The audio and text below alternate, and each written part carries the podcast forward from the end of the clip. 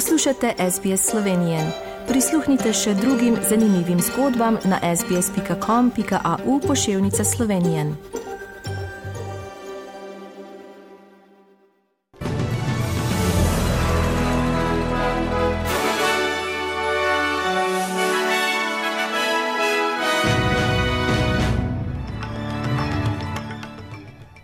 v poročilih 19. novembra 2022. Podnebna konferenca COP27 podaljšana za en dan, več kot 10 milijonov Ukrajincev ostalo brez elektrike in slovenska policija v prvih desetih mesecih letos obravnavala 160 odstotkov več nezakonitih prehodov državne meje kot lani.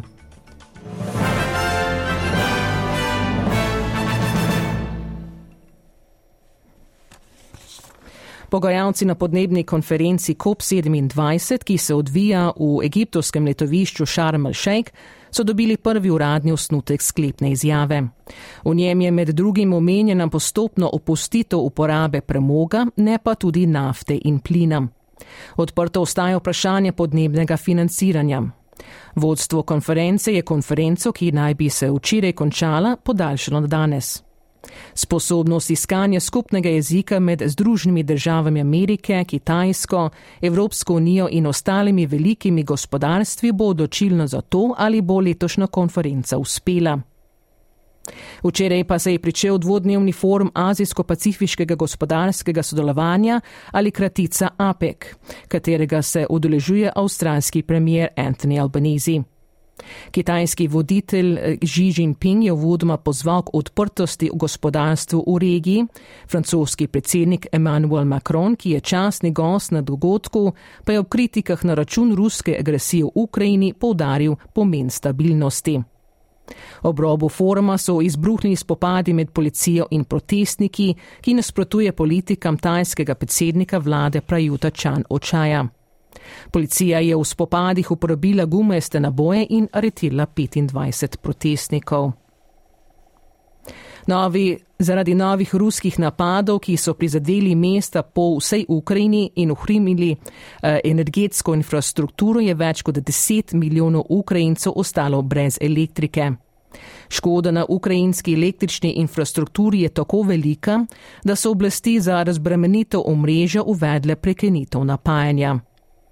Temperature so padle in se je v prestolnici Kijevu prvič to zimo pojavil sneg, zato si oblasti prezadevajo obnoviti oskrbo za električno energijo po vsej državi po najmočnejšem bombardiranju ukrajinske civilne infrastrukture v devetih mesecih vojne. Združeni narodi so posvarili pred humanitarno katastrofo v Ukrajini zaradi pomankanja elektrike in vode. Komisar Evropske unije za krizno upravljanje Janez Linerčič pravi, da Evropska unija pomaga in bo Ukrajini zagotovila za čas zatočišča za hladno vreme, generatorje in komplete za popravilo električnega omrežja. And these needs related to coming winter are now even more pronounced following the systematic destruction by Russia of critical infrastructure in Ukraine which has so far resulted in a substantial damage to energy installations, heating installations, electricity grids, and waterworks. Slovenska vlada je na, je na seji obravnavala predlog stališča Slovenije glede vstopa Hrvaške v Schengen s 1. januarjem in ga poslala pristojnima odborama državnega zbora, ki boste sprejela končno odločitev. Slovenija čelno podpira hrvaški vstop v Schengen, ki je v interesu Slovenije in Evropske unije, obenem pa v enostranski izjavi potrjuje svoje ustrajanje pri implementaciji arbitražne razsodbe. Slovenske policije pa je v prvih desetih mesecih letos obravnavala 21.476 nezakonitih prehodov državne meje, kar je za dobi 160 odstotkov več kot v enakem obdobju lani, ko jih je teh bilo 8222. Kot je razvidno iz policijske statistike, so se na prvo mesto po številu prebili prebežniki iz Burundija, v vrhu pa ostaja tudi, številni, tudi državljani Afganistana in Indije. V Sloveniji pa se bo minimalna plača zvišala skladno z zakonsko določenimi kriteriji in sicer v januarju v, enakem, v enem koraku se je po seji ekonomsko-socialnega sveta napovedal slovenski ministr za delo Luka Mesec. Sindikat in delodajalci glede višine dviga ostaje vsak sebi, minister pa napoveduje, da bo upošteval oba partnerja. Kolikšen bo dvig, pa naj bi bilo okvirno znano v začetku decembra, upoštevana bosta dva kriterija, tako minimalni življenski stroški kot letna stopna inflacija v decembru. In nogometni navijači z vsega sveta se odzivajo na katarsko prepoved piva na prihajajočem svetovnem prvenstvu v nogometu. Konzervativni muslimani v državi so odločitev v zadnjem hipu večinoma pozdravili, nekateri oboževalci pa so je zavrnili.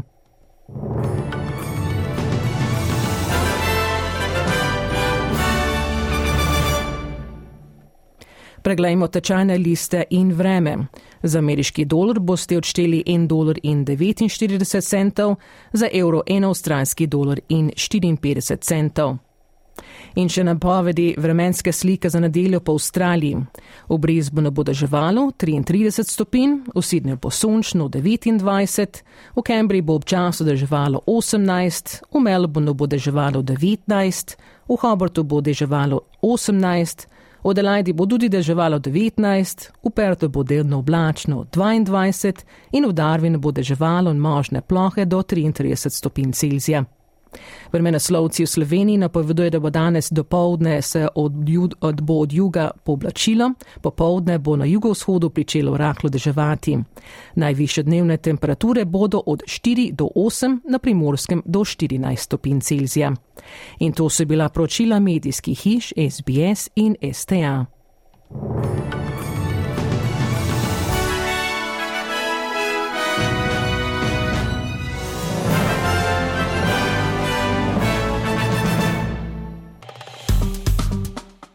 Všečkaj, deli, komentiraj. Spremljaj SBS Slovenijo na Facebooku.